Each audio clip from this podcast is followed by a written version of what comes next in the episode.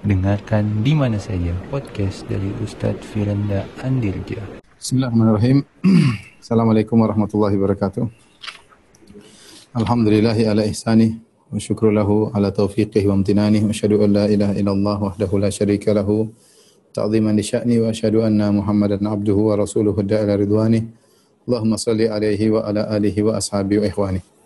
Para ikhwan dan akhwat, para jamaah Masjid Tarbiyah Cilandak yang dirahmati oleh Allah Subhanahu wa taala. Kita lanjutkan bahasan kita tentang sirah Nabi sallallahu alaihi wasallam dan kita sekarang masih menuju ke perang Khandaq. Kita perang Khandaq terjadi pada tahun 5 Hijriyah. Dan pada pertemuan terakhir kita sudah jelaskan tentang pernikahan Nabi dengan Ummu Salamah dan itu terjadi di tahun 4 Hijriyah. Ada satu peristiwa sebelum kita menyampaikan tentang kisah pernikahan Nabi wasallam dengan Zainab binti Jahsh ada peristiwa uh, terjadi uh, yaitu di bulan Rabiul Awal tahun 5 Hijriah, kita masuk pada tahun 5 Hijriah uh, tentang Ghazwat Daumatil Jandal, perang Daumatil Jandal ya. Daumatil Jandal adalah suatu kota yang terletak di sebelah utara kota Madinah yaitu menuju ke negeri Syam. Jadi kalau kita berjalan dari Madinah kemudian menuju ke utara akan melewat Khaybar, setelah melewat Khaybar akan melewat Tabuk, ya Tabuk itu sudah sekitar 700 kilo dari kota Madinah. Sebelah kanannya ya, ada Daumatul Jandal yang mungkin kira-kira jaraknya dari kota Madinah sekitar 800 km kira-kira ya. Dan inilah uh, perjalanan perang yang terjauh yang pertama kali dilakukan oleh Nabi Shallallahu Alaihi Wasallam dan para sahabat. Dan ketika itu Nabi juga ikut keluar, ya Nabi juga ikut keluar ya. Uh, dan ini bedanya antara gozwa dengan dengan syariah. Kalau syariah itu Nabi tidak ikut keluar dalam pasukan tersebut. Tapi kalau gozwa, ya gozu, maka Nabi SAW ikut keluar dalam dalam pasukan tersebut. Adapun sebab terjadinya perang ini, ya Nabi SAW mendapat kabar dari dari mata-mata Nabi SAW, ya sumber-sumber berita, bahwasanya di kota Daumatul Jandal telah berkumpul banyak orang Ya, mereka bahkan berbuat zalim. Kalau ada yang lewat situ mereka rampas, mereka rampok orang-orang lewat di kota tersebut. Bahkan mereka berniat untuk menyerang kota Madinah. Mereka berniat untuk menyerang kota Madinah. Karena mereka sudah berniat untuk menyerang kota Madinah, maka Rasulullah SAW pun akhirnya berangkat ingin menyerang mereka terlebih dahulu. Maka Rasulullah SAW berangkat dengan uh, kaum muslimin, ya. Kemudian uh, Nabi istakhlaf yaitu menjadikan pengganti beliau di kota Madinah Sibak bin Ghurfutah Al-Ghifari. Ya, kemudian Rasulullah SAW berangkat dengan seribu orang. Maka ini adalah perjalanan terjauh pertama kali yang ditempuh oleh Nabi SAW ke arah negeri Syam untuk menyerang mereka. Maka uh, model perjalanan dilakukan oleh Nabi SAW yaitu para Nabi dan para sahabat berjalan di malam hari agar tidak ketahuan. Kalau siang mereka bersembunyi, tidak melakukan gerak-gerik, sembunyi, diam atau ber bercamp suatu tempat. Kemudian malamnya berjalan lagi siangnya berkem agar tidak ketahuan. Terus demikian. Karena mata-mata di mana-mana ada, itu masa peperangan. Ya, sampai akhirnya mereka uh, mendekati kota Daumatul Jandal. Ketika sudah sampai dekat kota Daumatul Jandal, maka atau daerah Daumatul Jandal, maka kemudian Nabi SAW menyerang uh, penggembala-penggembala mereka. Kemudian Rasulullah SAW merampas uh, hewan-hewan mereka, ya. Uh, kemudian juga uh, penggembala-penggembalanya pada kabur ya. Akhirnya tatkala mereka mendengar bahwasanya Rasulullah dan seribu pasukan sudah sampai di kota Daumatul Jannah, mereka pun kabur. Mereka pun kabur dan Nabi sampai di uh, lokasi mereka, kemudian Rasulullah SAW para sahabat berdiam beberapa hari. Kemudian Rasulullah SAW mengirim pasukan-pasukan kecil, saroya, untuk mengecek mereka. Ternyata mereka sudah kabur dan tidak berani melawan kaum kaum muslimin. Akhirnya Rasulullah SAW pun pulang ya. Tapi ini peristiwa diabadikan dengan nama Ghazwatu Daumatil Jandal. Karena Rasulullah SAW ikut keluar bersama pasukan. Inilah uh, Ghazwah pertama kali yang jauh. Peperangan yang sangat jauh dari Madinah, sekitar 800 km ya. 700 800 km menuju ke negeri Syam ya. Menuju ke negeri Syam. Sedikit lagi mungkin perjalanan lima hari sudah sampai ke uh, Syria, ke Damaskus ya. Menunjukkan uh, ini perjalanan yang sangat yang sangat jauh kemudian juga menggentarkan mereka orang-orang yang sampai jauh ingin menyerang kota Madinah menjadi gentar karena ternyata pasukan kaum muslimin sampai di sana. Ini membuat kabilah-kabilah lain yang kecil-kecil ingin menyerang berpikir dua kali. atau berpikir seribu kali karena kalau sampai kabar mereka ingin menyerang kota Madinah bisa jadi Rasulullah SAW dan para sahabat datangi mereka dahulu sebelum mereka menyerang kota Madinah. Eh, kemudian juga ini latihan, ya, latihan berjalan jauh dengan strategi yang tidak mereka lakukan sebelumnya. Itu berjalan di malam hari, di malam hari siang istirahat, berjalan di malam hari siang istirahat.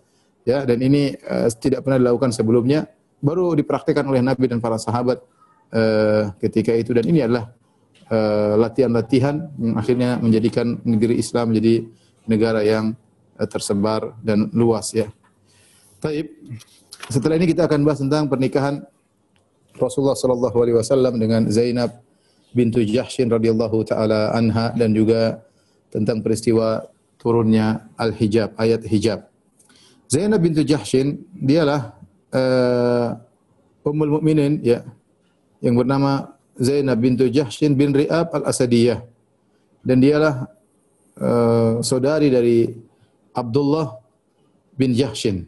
Abdullah bin Jahsyin yang meninggal dalam perang Uhud yang berdoa kepada Allah, Ya Allah, aku bermohon kepada engkau, jika tiba perang Uhud, temukanlah aku dengan orang yang bengis, yang kejam, kemudian dia membelah perutku, ya, kemudian dia eh, apa namanya eh, menghancurkan tubuhku.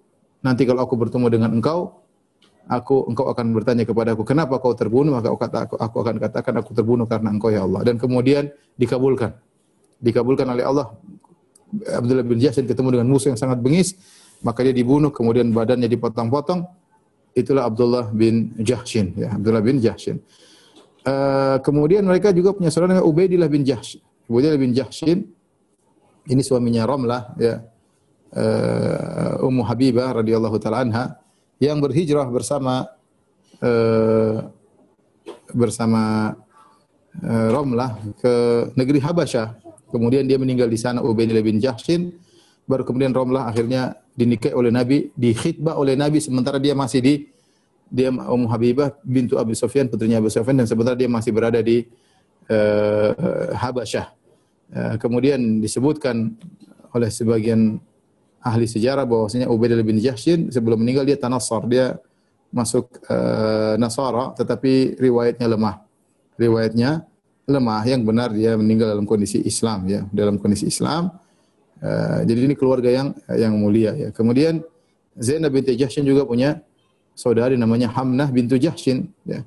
Hamnah bintu Jahsyin yang uh, apa namanya seorang sahabiah yang mulia tapi dia sempat terjerumus dalam uh, ikut-ikutan menuduh Aisyah radhiyallahu anha dengan tuduhan yang tidak benar dalam peristiwa hadisatul efek uh, ibu mereka, ibu mereka ini ya Abdullah bin Jahshin, Ubaidillah bin Jahshin, Hamna binti Jahshin, Zainab bintu Jahshin. Ibu, ibu mereka namanya uh, Umaymah bintu Abdul Muttalib.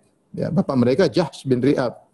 Bapak mereka Jahsh bin Ri'ab, tapi ibu ibunya uh, Zainab bintu Jahshin dan Abdullah bin Jahshin adalah Umaymah bintu Abdul Muttalib. Umaymah bintu Abdul Muttalib adalah tante Nabi sallallahu alaihi wasallam ya karena uh, kakek kakeknya Nabi Abdul Muttalib sebagaimana kita tahu ya. Abdul Muttalib punya uh, 10 orang anak laki-laki dan juga beberapa anak perempuan di antaranya Umaymah bintu Abdul Muttalib. Dari sini kita tahu bahwasanya Zainab bintu Jahshin adalah sepupu Nabi sallallahu alaihi wasallam, adalah sepupu Nabi sallallahu alaihi wasallam karena ibunya Umaymah bintu Abdul Muttalib adalah tante Nabi sallallahu alaihi wasallam. Dan Zainab termasuk orang-orang yang pertama awal-awal masuk Islam, kemudian juga berhijrah ke kota Madinah, ya. Uh, bagaimana kisah pernikahan Zainab bintu Jahshin dengan Nabi sallallahu alaihi wasallam? Uh, para pemirsa yang dirahmati oleh Allah Subhanahu wa taala, sebelum Zainab menikah dengan Nabi sallallahu alaihi wasallam, Zainab bintu Jahsyin menikah dengan maulanya Nabi sallallahu alaihi wasallam. Maula itu adalah budak Nabi yang Nabi bebaskan. Nabi merdeka namanya maula Rasulullah, yaitu disebut maulanya fulan, maulanya fulan bisa artinya budak, bisa jadi artinya orang yang dibebaskan ya oleh dia, dahulunya budak kemudian dimerdekakan.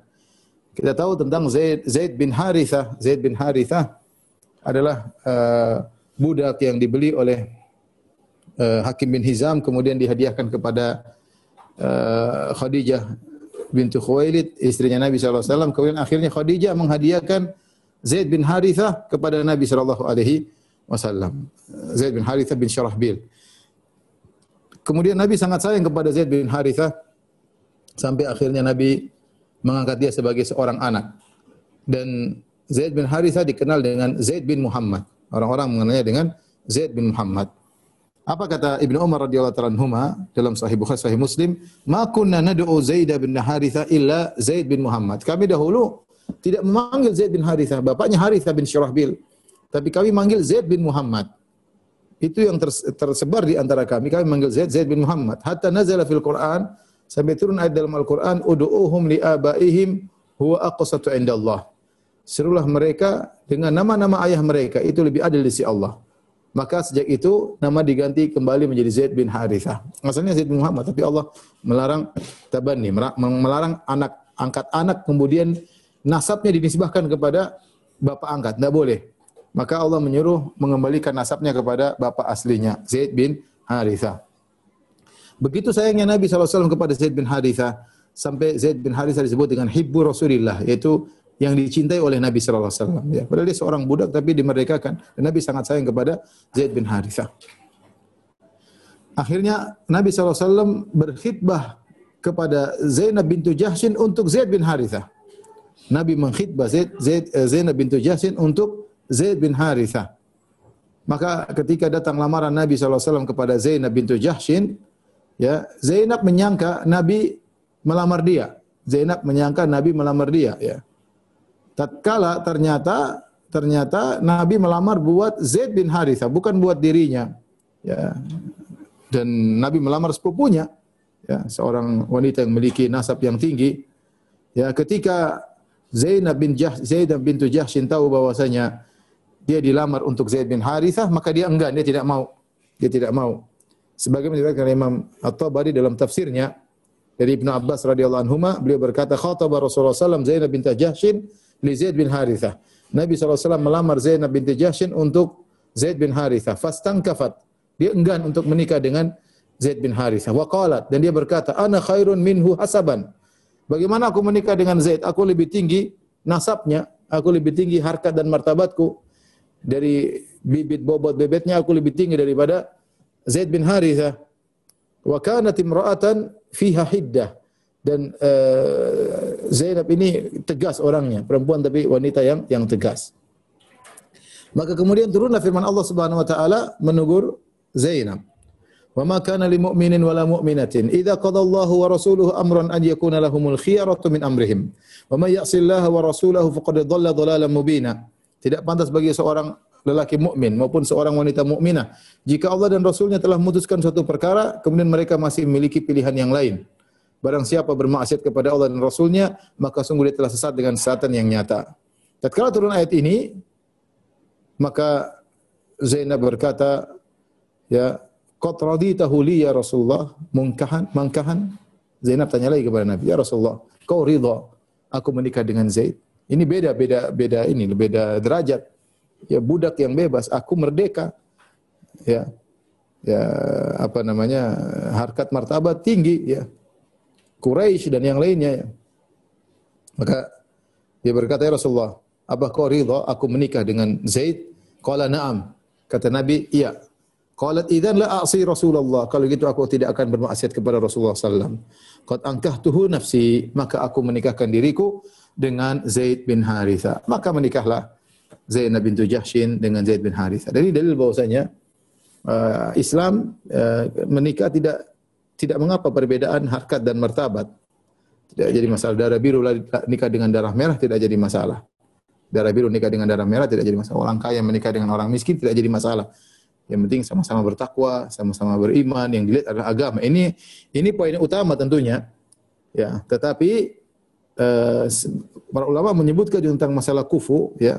Sekufu buat apa? Agar perjalanan perjalanan pernikahan bisa berjalan dengan baik. Karena tujuannya di pernikahan adalah mawaddah dan rahmah. Meskipun secara hukum asal boleh antara seorang berbeda uh, harta dan martabat, tapi dilihat apakah mereka mampu menjalankan kehidupan rumah tangga dengan baik ya. Karena bisa jadi seorang misalnya menikah dengan seorang martabatnya terlalu tinggi sementara dia tidak punya apa-apa, akhirnya dia jadi bahan gunjingan keluarga uh, wanita misalnya dan yang lainnya, maka ini juga perlu diperhatikan.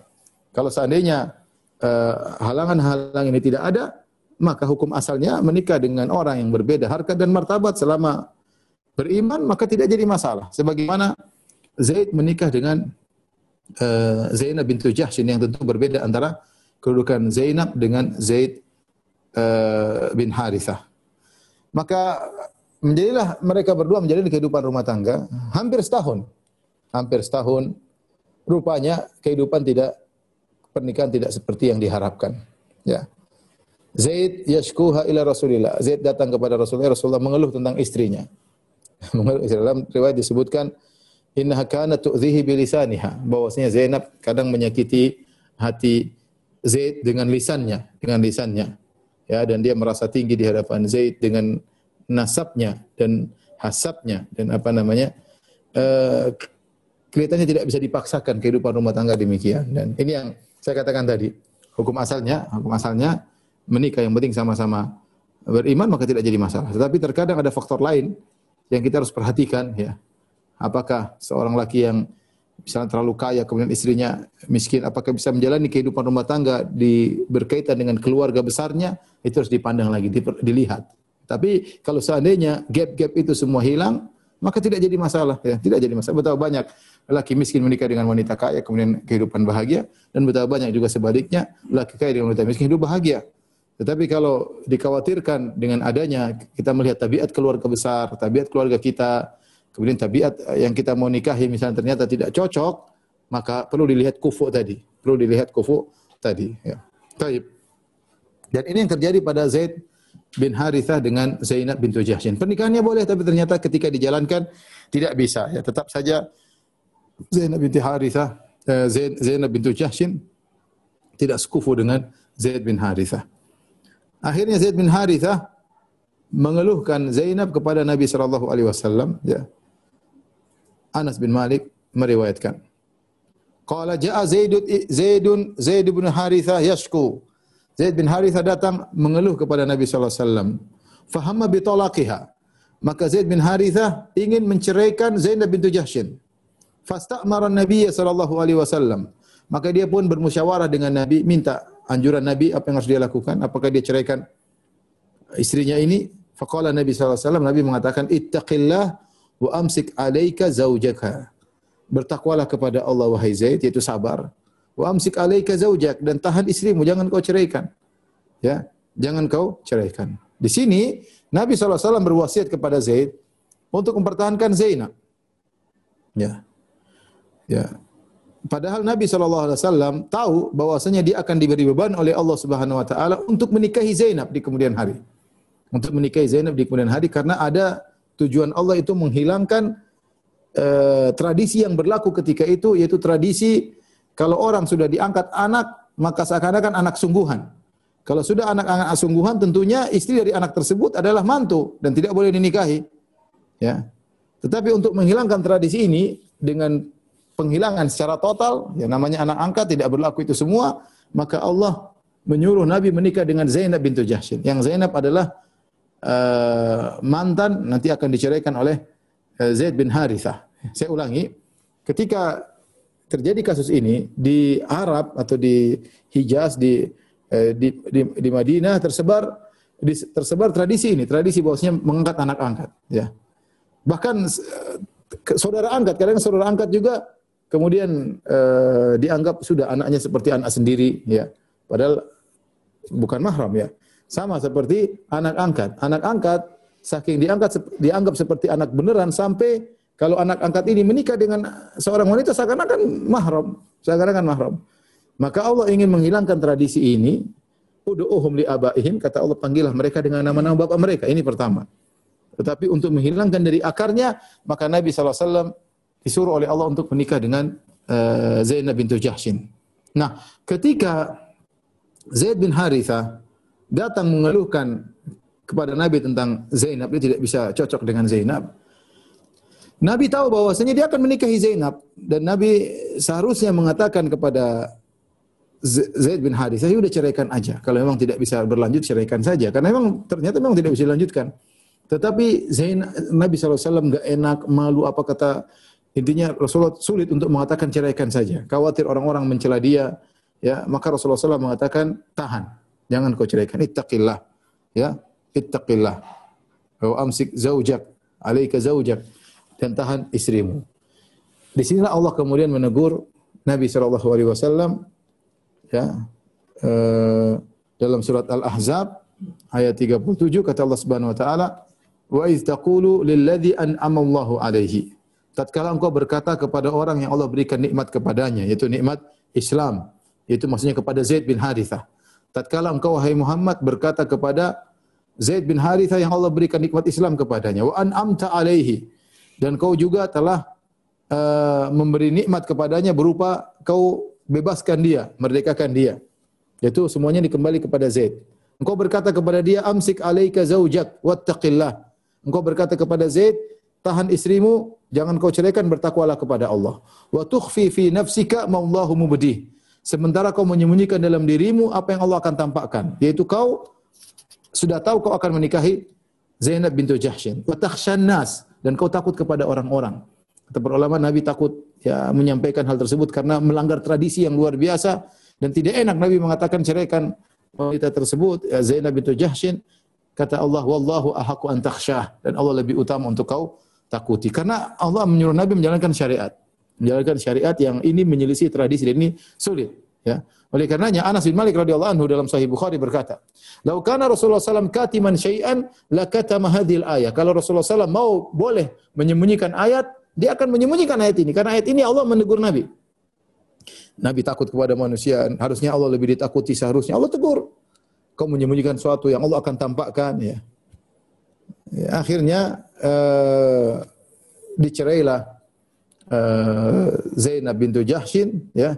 Zainab bintu Jahshin kemudian setelah masa iddah selesai qadha minha uh, Zaidan watar Zaidun wataran zawajnakaha maka Allah pun menikahkan Nabi dengan Zainab bintu Jahsyin ya. Ya. Falamma qadha Zaidun minha wataran zawajnakaha. Tatkala Zaid sudah menceraikan Zainab dan sudah habis masa iddahnya kami nikahkan engkau dengan Zainab likai la yakuna 'alal mu'minina harajun fi azwaji adiyaihim idza qada minhunna wa tara. Agar berlaku aturan jika anak angkat yang dia bukan anak nasab menikah dengan seorang wanita kemudian dia cerai maka bapak angkatnya boleh menikahi uh, istri dari anak angkatnya tersebut. Karena anak antara anak angkat dengan bapak angkat tidak ada hubungan nasab tidak ada hubungan nasab. Jadi benar-benar tradisi itu tradisi tersebut mau dihilangkan oleh Allah Subhanahu wa taala wa kana amrullahi maf'ula dan perkara Allah yang itu yang akan dikerjakan. Taib. Ketika Zainab masa idahnya sudah selesai, maka Rasulullah SAW pun menikahi Zainab. Ya, bagaimana kisahnya? Ya. Kisahnya tatkala iddatnya masa iddahnya Zainab selesai, Rasulullah SAW berkata kepada Zaid, kepada mantan suaminya, mantan suaminya Zainab. Karena Rasulullah sangat dekat dengan Zaid bin Harithah. Idhab fadhkurha alayya. Wahai Zaid, saya utus kau pergilah kepada Zainab. Dan Zainab tidak tahu apa tentang hal ini. Tidak menduga bahwa Nabi akan menikahi dia. Dia tidak menduga sama sekali. Mungkin tidak cocok dengan suaminya, cerai. Cerai. Ya, tiba-tiba Allah perintahkan Nabi untuk menikahkan menikah dengan Zainab. Maka kata Nabi kepada Zaid, "Idhab fadhkurha alayya." Wahai Zaid, pergilah kau kepada Zainab dan lamarlah untukku. Zaid berjalan, fantalaqa hatta ataha. Kata Anas bin Malik, Zaid pun berjalan menuju bekas istrinya, mantan istrinya Zainab. Mau dia lamar untuk Nabi sallallahu alaihi wasallam. Dahulu Nabi lamar buat dia, sekarang dia mau lamar buat Nabi sallallahu alaihi wasallam. Wahya tukhammiru ajinaha. Sementara Zainab ini belum belum belum turun ayat hijab ya. Zainab sedang meng, meng, meng, apa, mengolah adonan rotinya, ya, ya, mengolah apa kata Zaid? Falamma ra'aituha azumat fi sadri. Tatkala aku melihat Zainab, sudah lama tidak melihat ini masa iddah sudah saya mungkin tiga bulan lama. Ketemu lagi, ya. Tatkala aku melihat Zainab kata Zaid, azumat fi sadri. Maka aku merasa sangat karismatik di mataku. Aku sangat menghormati dia. Hatta ma astati an anzura ilai sampai aku tidak mampu untuk melihat Zainab. Kenapa? Karena Zaid tahu ini bakalan dinikahi dengan dinikahi oleh Rasulullah wasallam. Ini bakalan jadi ummul mukminin. Padahal tadi bekas istrinya. Tapi karena dia tahu ini bakalan dinikahi oleh Nabi wasallam, maka dia pun memandang Zainab dengan dengan penuh penghormatan sampai aku tidak mampu melihatnya kata Zaid. Ya. Anna Rasulullah sallam dzakarha karena Rasulullah sallam sudah melamar dia. Fawallaituha dhahri wa nakastu ala akhibihi. Maka aku pun balik badanku. Aku balik badanku. Jadi dia tidak ingin lihat, dia berjalan mundur. Ya. Jadi jalan mundur menuju Zainab. Zainab tadi begini, dia balik kemudian jalan mundur menuju Zainab karena ingin bicara dengan Zainab. Maka dia berkata, "Ya Zainab, wahai Zainab, abshiri arsalani Rasulullah sallam yadhkuruki." Bergembiralah wahai Zainab, Rasulullah mengutusku untuk melamarmu, mengkhidbahmu. Apa kata Zainab? Dia lagi bikin adonan roti. Dia berkata, "Ma ana bisani atin syai'an hatta uamira rabbi azza wa jalla." Aku tidak akan beri keputusan sama sekali sampai aku istikharah dulu. Luar biasa. Wanita solehah ya. Tunggu dulu saya mau istikharah kata dia. Faqamat ila masjidiha maka dia pun pergi ke uh, tempat biasa dia sholat di rumahnya disebut dengan masjid rumah, musola rumah. Itu itu tempat yang biasa di untuk dijadikan sholat disebut dengan uh, musola atau masjid rumah. Bukan masjid tapi tempat yang biasa digunakan untuk sholat. Maka dia pun salat minta petunjuk kepada Allah Subhanahu wa taala. Maka turunlah firman Allah Subhanahu wa taala falamma qada zaidun minha wataran zawwajnakaha. Tatkala masa iddah eh, dari Zainab sudah selesai eh, dan uh, segala urusan antara Zaid dengan Zainab sudah selesai zawwajnakaha kami pun menikahkan engkau dengannya ya jadi yang menikahkan Nabi dengan Zainab adalah Allah Subhanahu wa taala. Allah Subhanahu wa taala. Ya. Oleh karenanya, setelah itu setelah turun ayat ini Nabi SAW langsung bertemu dengan Zainab tanpa izin-izin lagi. Sudah selesai Allah sudah nikahkan. Tidak pakai wali-wali, tidak pakai macam-macam langsung Allah langsung nikahkan langsung. Makanya Zainab radhiyallahu anha, Zainab bintu Jahsyin kadang berbangga di hadapan istri-istri Nabi yang lain. Zainab berkata, "Zawwajakunna zawwajakunna ahalikunna wa zawwajani Allah taala min fawqi sab'i samawat." Apa kata Zainab bintu Jahshin? Ini perkataan Zainab dalam Sahih Bukhari. Ya, dia berkata ya dalam bab wa kana arsyuhu alal ma ya dalam kitab tauhid dalam bab bahwasanya arsy Allah di atas air. Zainab berkata kepada istri-istri Nabi yang lain, kalian wahai istri-istri Nabi, kalian dinikahkan oleh keluarga kalian, wali-wali kalian. Entah bapak, entah kakak, entah apa. Pokoknya keluarga yang menikahkan kalian. Adapun aku, zawajani Allah Ta'ala, Allah menikahkan aku langsung min fauqi sab'i samawat. Di atas langit yang tujuh. Ya, akidah ya. Akidah maksudnya Allah di atas langit. Ya, dan ini dibanggakan oleh Zainab bintu Jahshin radhiyallahu taala anha ya. Inilah cerita tentang uh, kisah pernikahan antara Zainab dengan Nabi sallallahu alaihi wasallam dalam rangka untuk uh, menghilangkan tradisi yang berlaku ya. Jadi ada dua dua manfaat. Yang pertama bahwasanya pernikahan antara seorang yang berbeda uh, nasabnya ya darah biru atau darah merah boleh-boleh saja yang penting agamanya benar. Tapi tadi saya katakan harus dilihat juga masalah kufunya. Apakah sekufu atau tidak. Ya, karena supaya pernikahan berjalan dengan baik. Tapi hukum asalnya boleh. Hukum asalnya boleh. Yang kedua dalam rangka untuk menghilangkan tradisi yang sedang berjalan di masyarakat dengan Allah menyuruh Nabi SAW menikah dengan uh, bekas istri atau uh, ya bekas istri anak-anak angkatnya. Adapun riwayat yang tersebar di sebagian uh, buku tafsir yang menyebutkan Nabi ketika Zainab menikah dengan Zaid maka Nabi jatuh cinta sama Zainab. Ini riwayat semua dhaif. Dhaif. Diriwayatkan oleh perawi-perawi yang dhaif kemudian bermuara juga kepada Al-Waqidi dan Al-Waqidi matruk.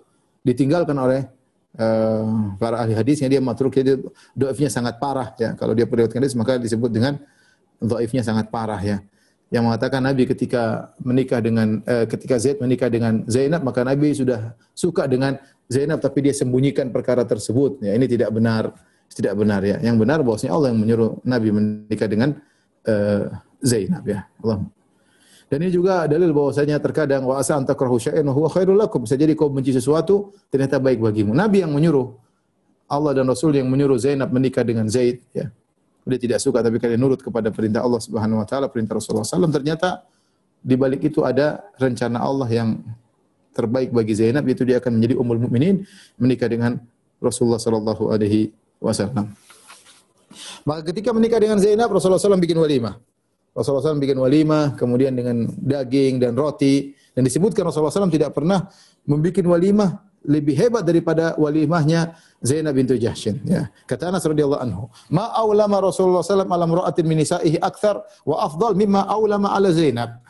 Rasulullah SAW tidak pernah buat walimah terhadap salah seorang pun istrinya sebagaimana walimah yang lebih baik daripada walimahnya Zainab bintu Jahsyin. Zainab bintu Jahsyin. Orang-orang ketika walimah tersebut mereka makan daging dan roti dan mereka kenyang ya. Dalam Sahih Bukhari dari Anas bin Malik uh, kata Anas bin Malik, "Bunya ala Nabi sallallahu alaihi wasallam bi Zainab binti Jahsyin bi khubzin wa lahm." Yaitu Rasulullah SAW menikah bikin walimah dengan daging dan roti. Fa ursiltu ala ta'ami da'iyan. Aku diutus oleh Nabi untuk mengundang orang. Fa yaji'u qaumun. Ayo yang ketemu orang suruh datang makan. Orang datang satu kaum mereka makan. Fa ya'kulun wa yakhrujun. Mereka makan, mereka keluar.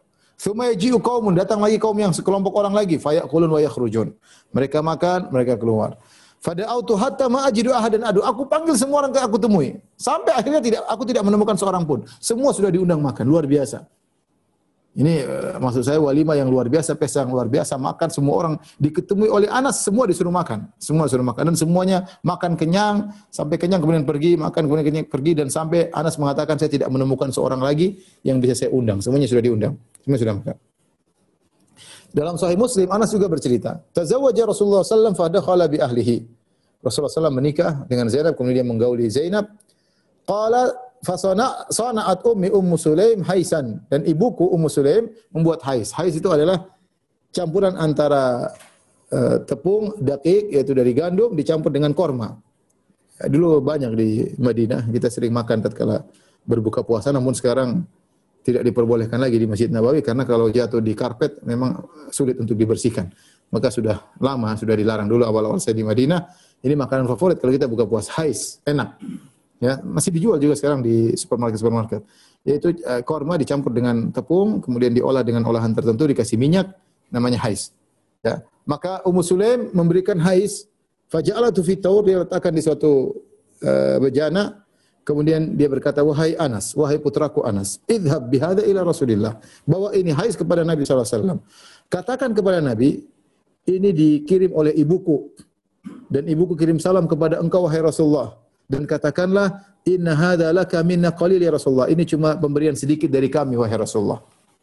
Maka aku pun bawa hais yang sedikit itu untuk hadiah dari Ummu Sulaim untuk acara walimah. Maka aku sampai kepada Nabi, aku berkata, Ya Rasulullah, ibuku kirim salam kepada engkau. Dan dia berkata, ini makanan dari kami sedikit, wahai Rasulullah. Kata Nabi, Da'hu, letakkan itu bejana atau piring berisi hais.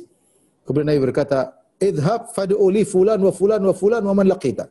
Kata Nabi, pergilah kau undang si fulan, si fulan, si fulan, dan siapapun yang kau temui, bawa sini.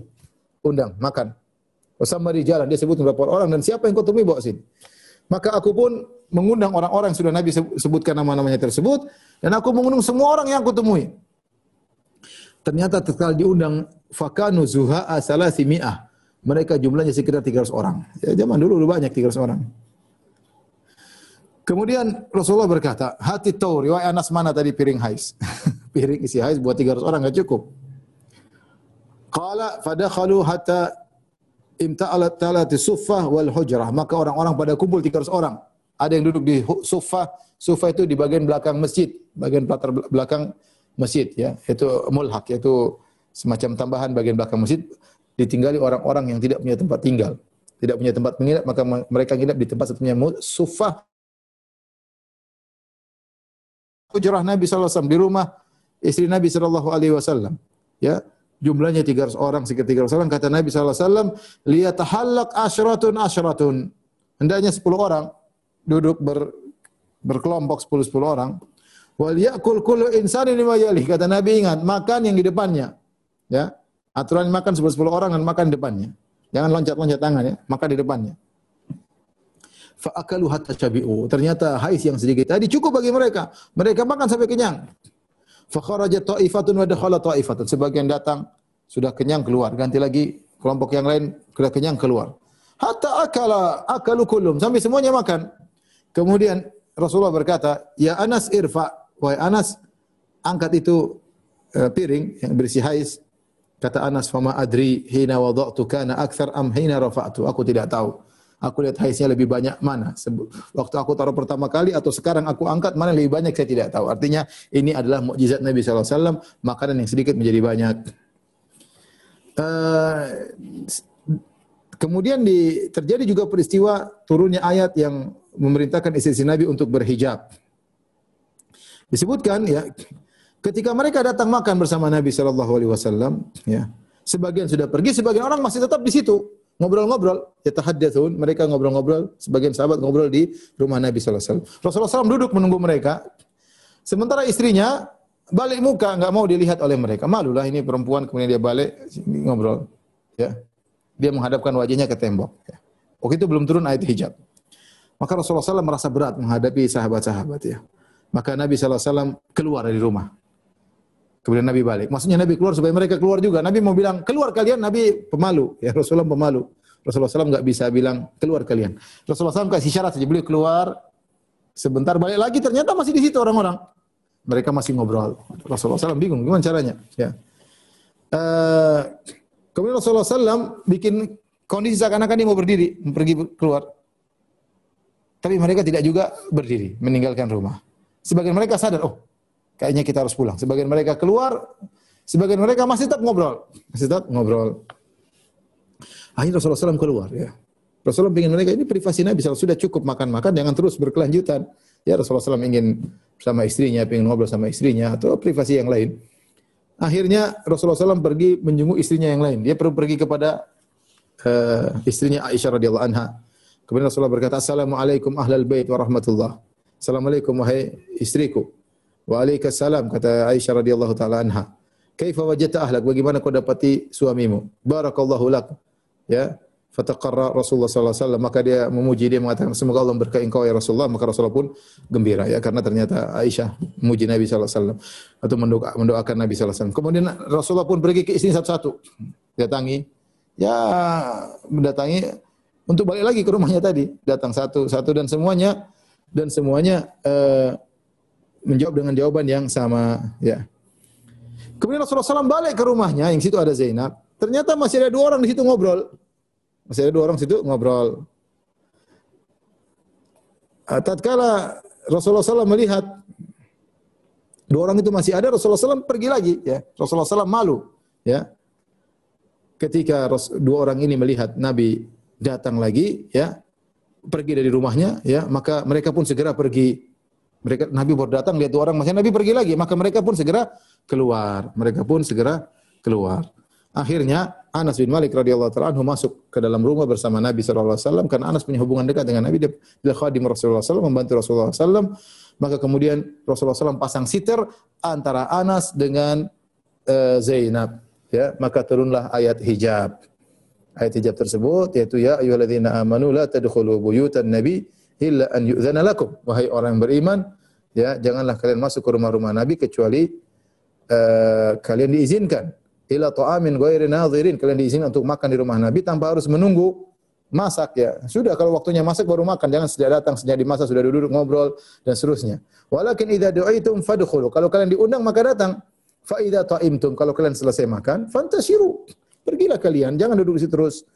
Wala musta'nisin li hadis jangan kemudian ngobrol-ngobrol terus ya. Inna dzalikum kana yu'dhin nabiy sallallahu alaihi wasallam minkum. Inna dzalikum kana yu'dhin nabiy fayastahi minkum. Perbuatan kalian itu setelah makan masih ngobrol-ngobrol mengganggu Nabi sallallahu alaihi wasallam. Dan Nabi malu kepada kalian. Wallahu la yastahi minal haq. Adapun Allah tidak malu untuk menyampaikan kebenaran. Wa idza sa'altumuhunna mata'an. Turun ayat ini. Kalau kalian minta kepada istri-istri Nabi suatu barang, suatu perkara, ada keperluan sama istri-istri Nabi, fas'aluhunna mi wara'i hijab. Maka mintalah kepada istri Nabi di balik hijab.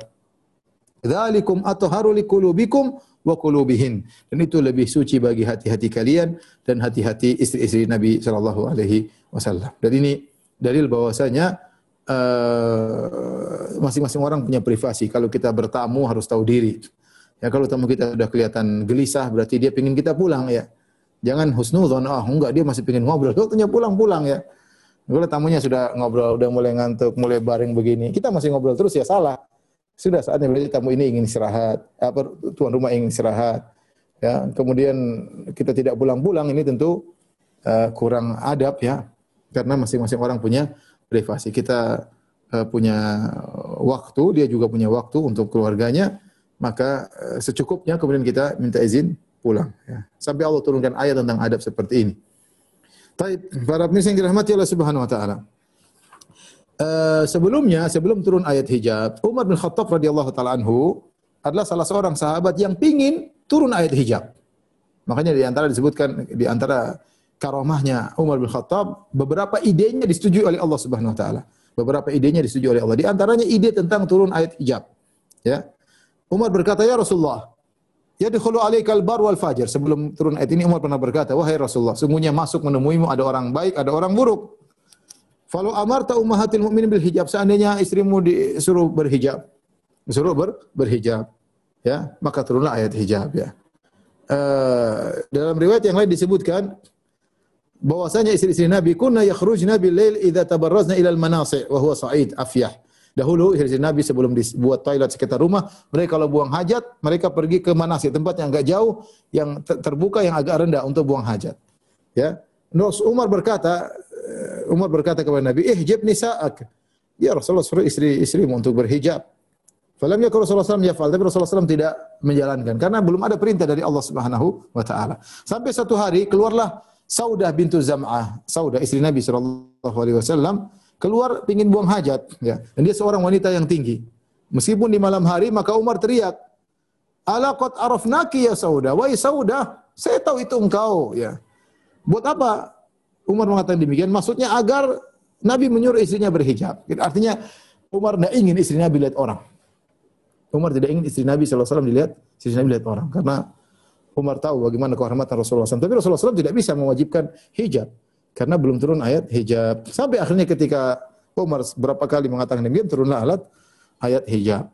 Nah, demikian juga dalam riwayat yang lain disebutkan suatu hari eh, Rasulullah SAW makan bersama Aisyah maka, makan hais ya. Suatu tempat di suatu tempat ya. Famar Umar, maka Umar pun dipanggil oleh Nabi, Umar lagi lewat, maka Umar Nabi ayo makan bareng. Makanlah Umar bersama ada Nabi, ada Aisyah, ada Umar. Kemudian jari Umar menyentuh jari Aisyah radhiyallahu anha. Maka Umar berkata his, artinya Umar tidak sengaja dia, dia ingin uh, tidak ingin menyentuh. Ya, kemudian dia berkata, "Lau uta'ifikunna ma ra'atkunna ainun." Ya, kalau seandainya saya dita ditaati tentang kalian, saya ingin tidak seorang pun mata bisa melihat kalian. Artinya ingin dihijab oleh Umar. Kemudian turun ayat, turun ayat hijab dan ini uh, di antara Allah menyetujui ide Umar bin Khattab radhiyallahu taala anhu. Tapi bagaimana Zainab bintu Jahsy? Zainab bintu Jahsy adalah seorang wanita mulia, seorang wanita yang disayang oleh Nabi sallallahu alaihi wasallam, begitu disayang oleh Nabi sallallahu sampai Aisyah radhiyallahu taala berkata, "Wa hiya allati kanat tusamini."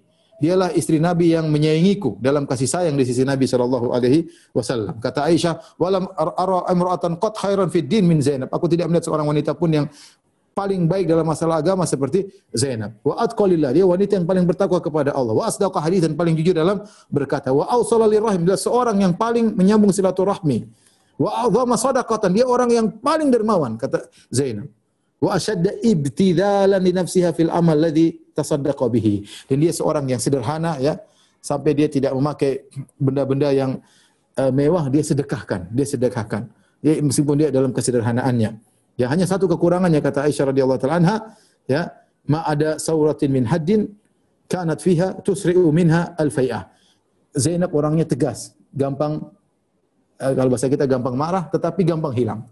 Gampang marah tapi marahnya tidak lama. Begitu marah sebentar kemudian hilang. Ya, kemudian hilang. Itu aja kekurangannya. Tapi dari sisi ketakwaan, dari kejujuran, silaturahmi, sedekah sangat luar biasa.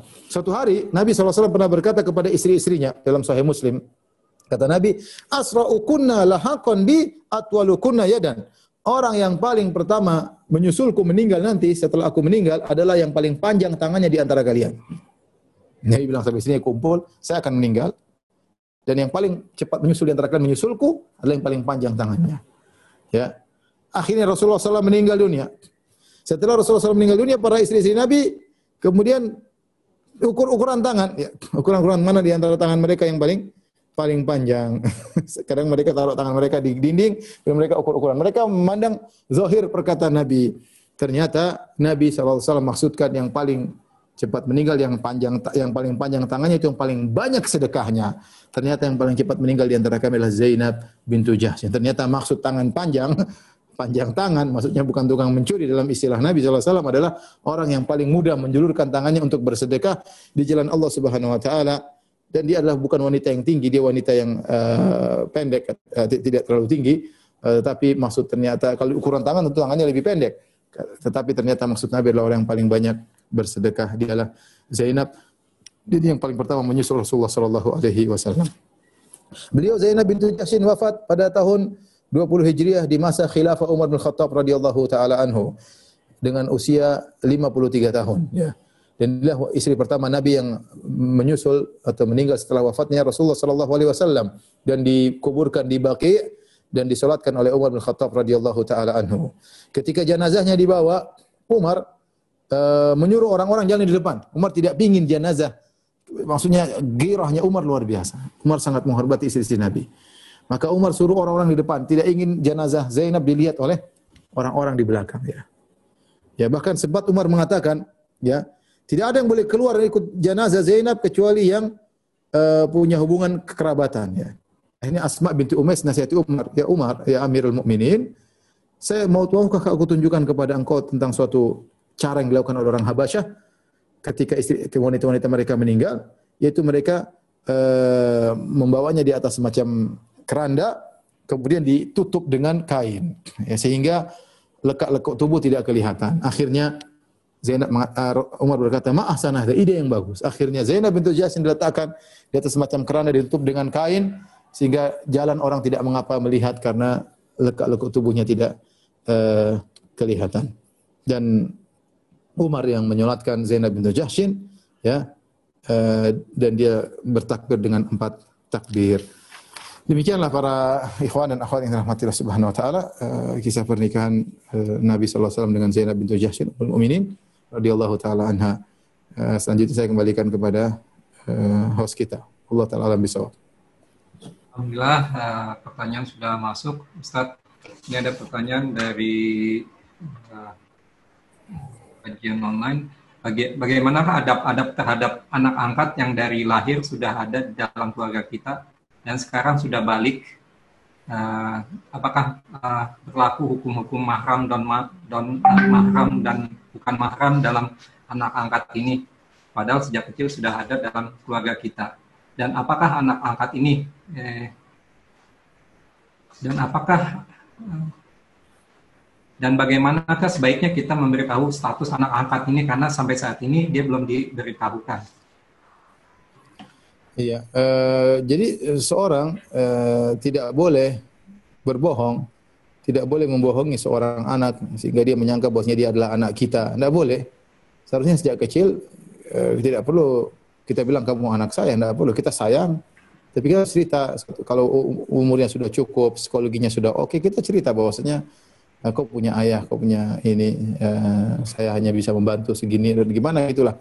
Cara cara-cara mungkin bisa konsultasi sama psikolog, psikolog, tapi ini harus disampaikan, tidak boleh didiamkan, tidak boleh diamkan ya karena nanti dia menyangka kita bapaknya ya. Dan itu nanti repot nanti terjadi masalah warisan lah, apalah ya.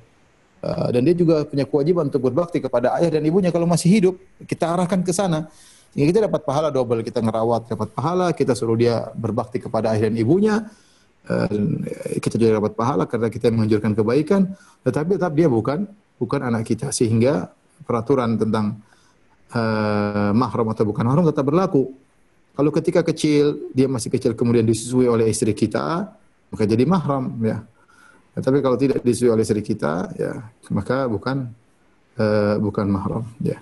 Atau disusui oleh uh, adik apa namanya perempuan istri kita misalnya atau adik perempuan kita menyusui. Intinya ada cara-caranya lah sehingga kita bisa menjadi mahramnya. Intinya tetap dia bukan anak kandung kita maka berlakulah aturan tentang mahram dan non mahram. Allah alam bisawab. Pertanyaan selanjutnya Ustaz. Sebelum turun ayat hijab ketika para wanita sholat, apakah wajib untuk menutup syarat, eh, menutup auratnya? Uh, wallah alam saya tidak tahu. Wallah alam saya tidak tidak tahu. Pertanyaan selanjutnya Ustaz, apakah yang dimaksud dengan sekufu ini dalam hal agama atau dalam hal keduniaan? Uh, ke agama tentu itu yang terbaik. Agama itu yang terbaik ya karena kata Nabi sallallahu alaihi wasallam, "Fadhbar bi din taribat yadak." Carilah wanita yang, yang agamanya bagus kalau tidak kau akan kau akan uh, merugi, kau akan merugi. Tapi saya katakan tadi, terkadang kita harus lihat juga dari sisi uh, keluarga ya. Apakah karena kita kan akan menggabungkan dua keluarga, keluarga istri, keluarga calon mempelai laki, mempelai wanita. Bisa cocok atau tidak? bagaimana kehidupan anak ini bisa cocok dengan uh, putri kita, bisa cocok dengan, putra kita. Ya. Terkadang agama oke, tapi ternyata tradisi berbeda. Maka kita jangan paksakan. Ya, tradisi kalau beda, paksakan kadang bisa di kacau. Dari sisi itu kita harus lihat, meskipun kita bilang sekufu yang sebenarnya adalah agama. Kita harus cari anak buat putri kita atau buat putra kita yang soleh atau soleha. Itu yang itu poin pertama. Tapi setelah itu kita harus melihat lagi karena kita tahu pernikahan dibangun untuk mencapai kebahagiaan. Maka kita harus sisi yang lain. Sisi yang lain ya. Misalnya contoh, uh, suami ternyata tidak punya pekerjaan misalnya, calon suami dia orang soleh tapi kan kalau nikah nanti akan jadi bahan tertawaan, jadi bahan hinaan ya itu tidak tidak baik di untuk keluarga besar. Maka ini harus dilihat juga agar lihat juga bukan berarti kita mengatakan bahwasanya harus uh, apa namanya harus demikian tapi saya kata tadi kalau gap-gap tadi bisa dihilangkan itu yang terbaik. Tapi kalau tidak bisa, maka kita harus melihat kemaslahatan. Melihat kemaslahatan. Contoh misalnya kita punya uh, kita punya anak laki-laki, kita orang biasa. Ternyata ada calon istrinya sangat kaya raya ya. Kita lihat juga dulu ya. Kaya raya kemudian keluarganya misalnya pejabat semua. Lihat bisa enggak anak kita ini menikah dengan keluarga seperti itu? Bisa enggak kita uh, besan sama besan bisa bisa berjalan menjalankan kehidupan uh, kerabat yang baik ya. Ini harus di, diperhitungkan. Maksud saya, seandainya oke-oke saja ya nikahkan, gak ada masalah yang penting sama-sama baik. Tapi kalau ternyata dikhawatirkan ada sesuatu yang seperti itu, maka kita pertimbangkan demi kemaslahatan anak-anak kita ketika menjalani pernikahan. Dan saya katakan tadi bisa jadi seorang lelaki kaya menikah dengan seorang wanita miskin ternyata bahagia dan sebaliknya. Bisa jadi seorang wanita kaya menikah lelaki miskin dan bahagia bisa jadi. Tapi intinya harus diperhatikan. Allah alam bisawab pertanyaan terakhir Ustadz. Uh, ini ada Ikhwan bertanya bagaimana cara mendidik istri. Bagaimana cara Nabi mendidik istri-istri beliau agar menjadi bertakwa. Dan mohon Ustadz agar Allah mudahkan ya, si penanya untuk uh, cepat menikah tahun ini. Jangan tahun ini, bulan ini dong. Masih di awal bulan kita. uh, ya tentu banyak ya Rasulullah SAW Eh, dalam kehidupannya semua adalah nasihat ya kepada kawan-kawannya, kepada sahabat-sahabatnya, uh, apalagi kepada istri-istrinya ya.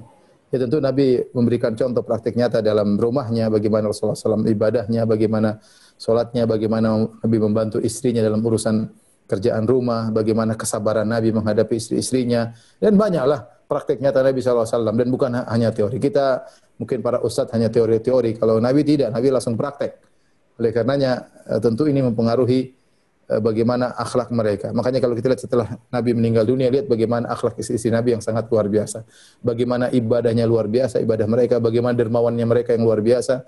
Kita tidak heran kenapa? Karena guru mereka adalah suami mereka, dialah Nabi Muhammad sallallahu alaihi.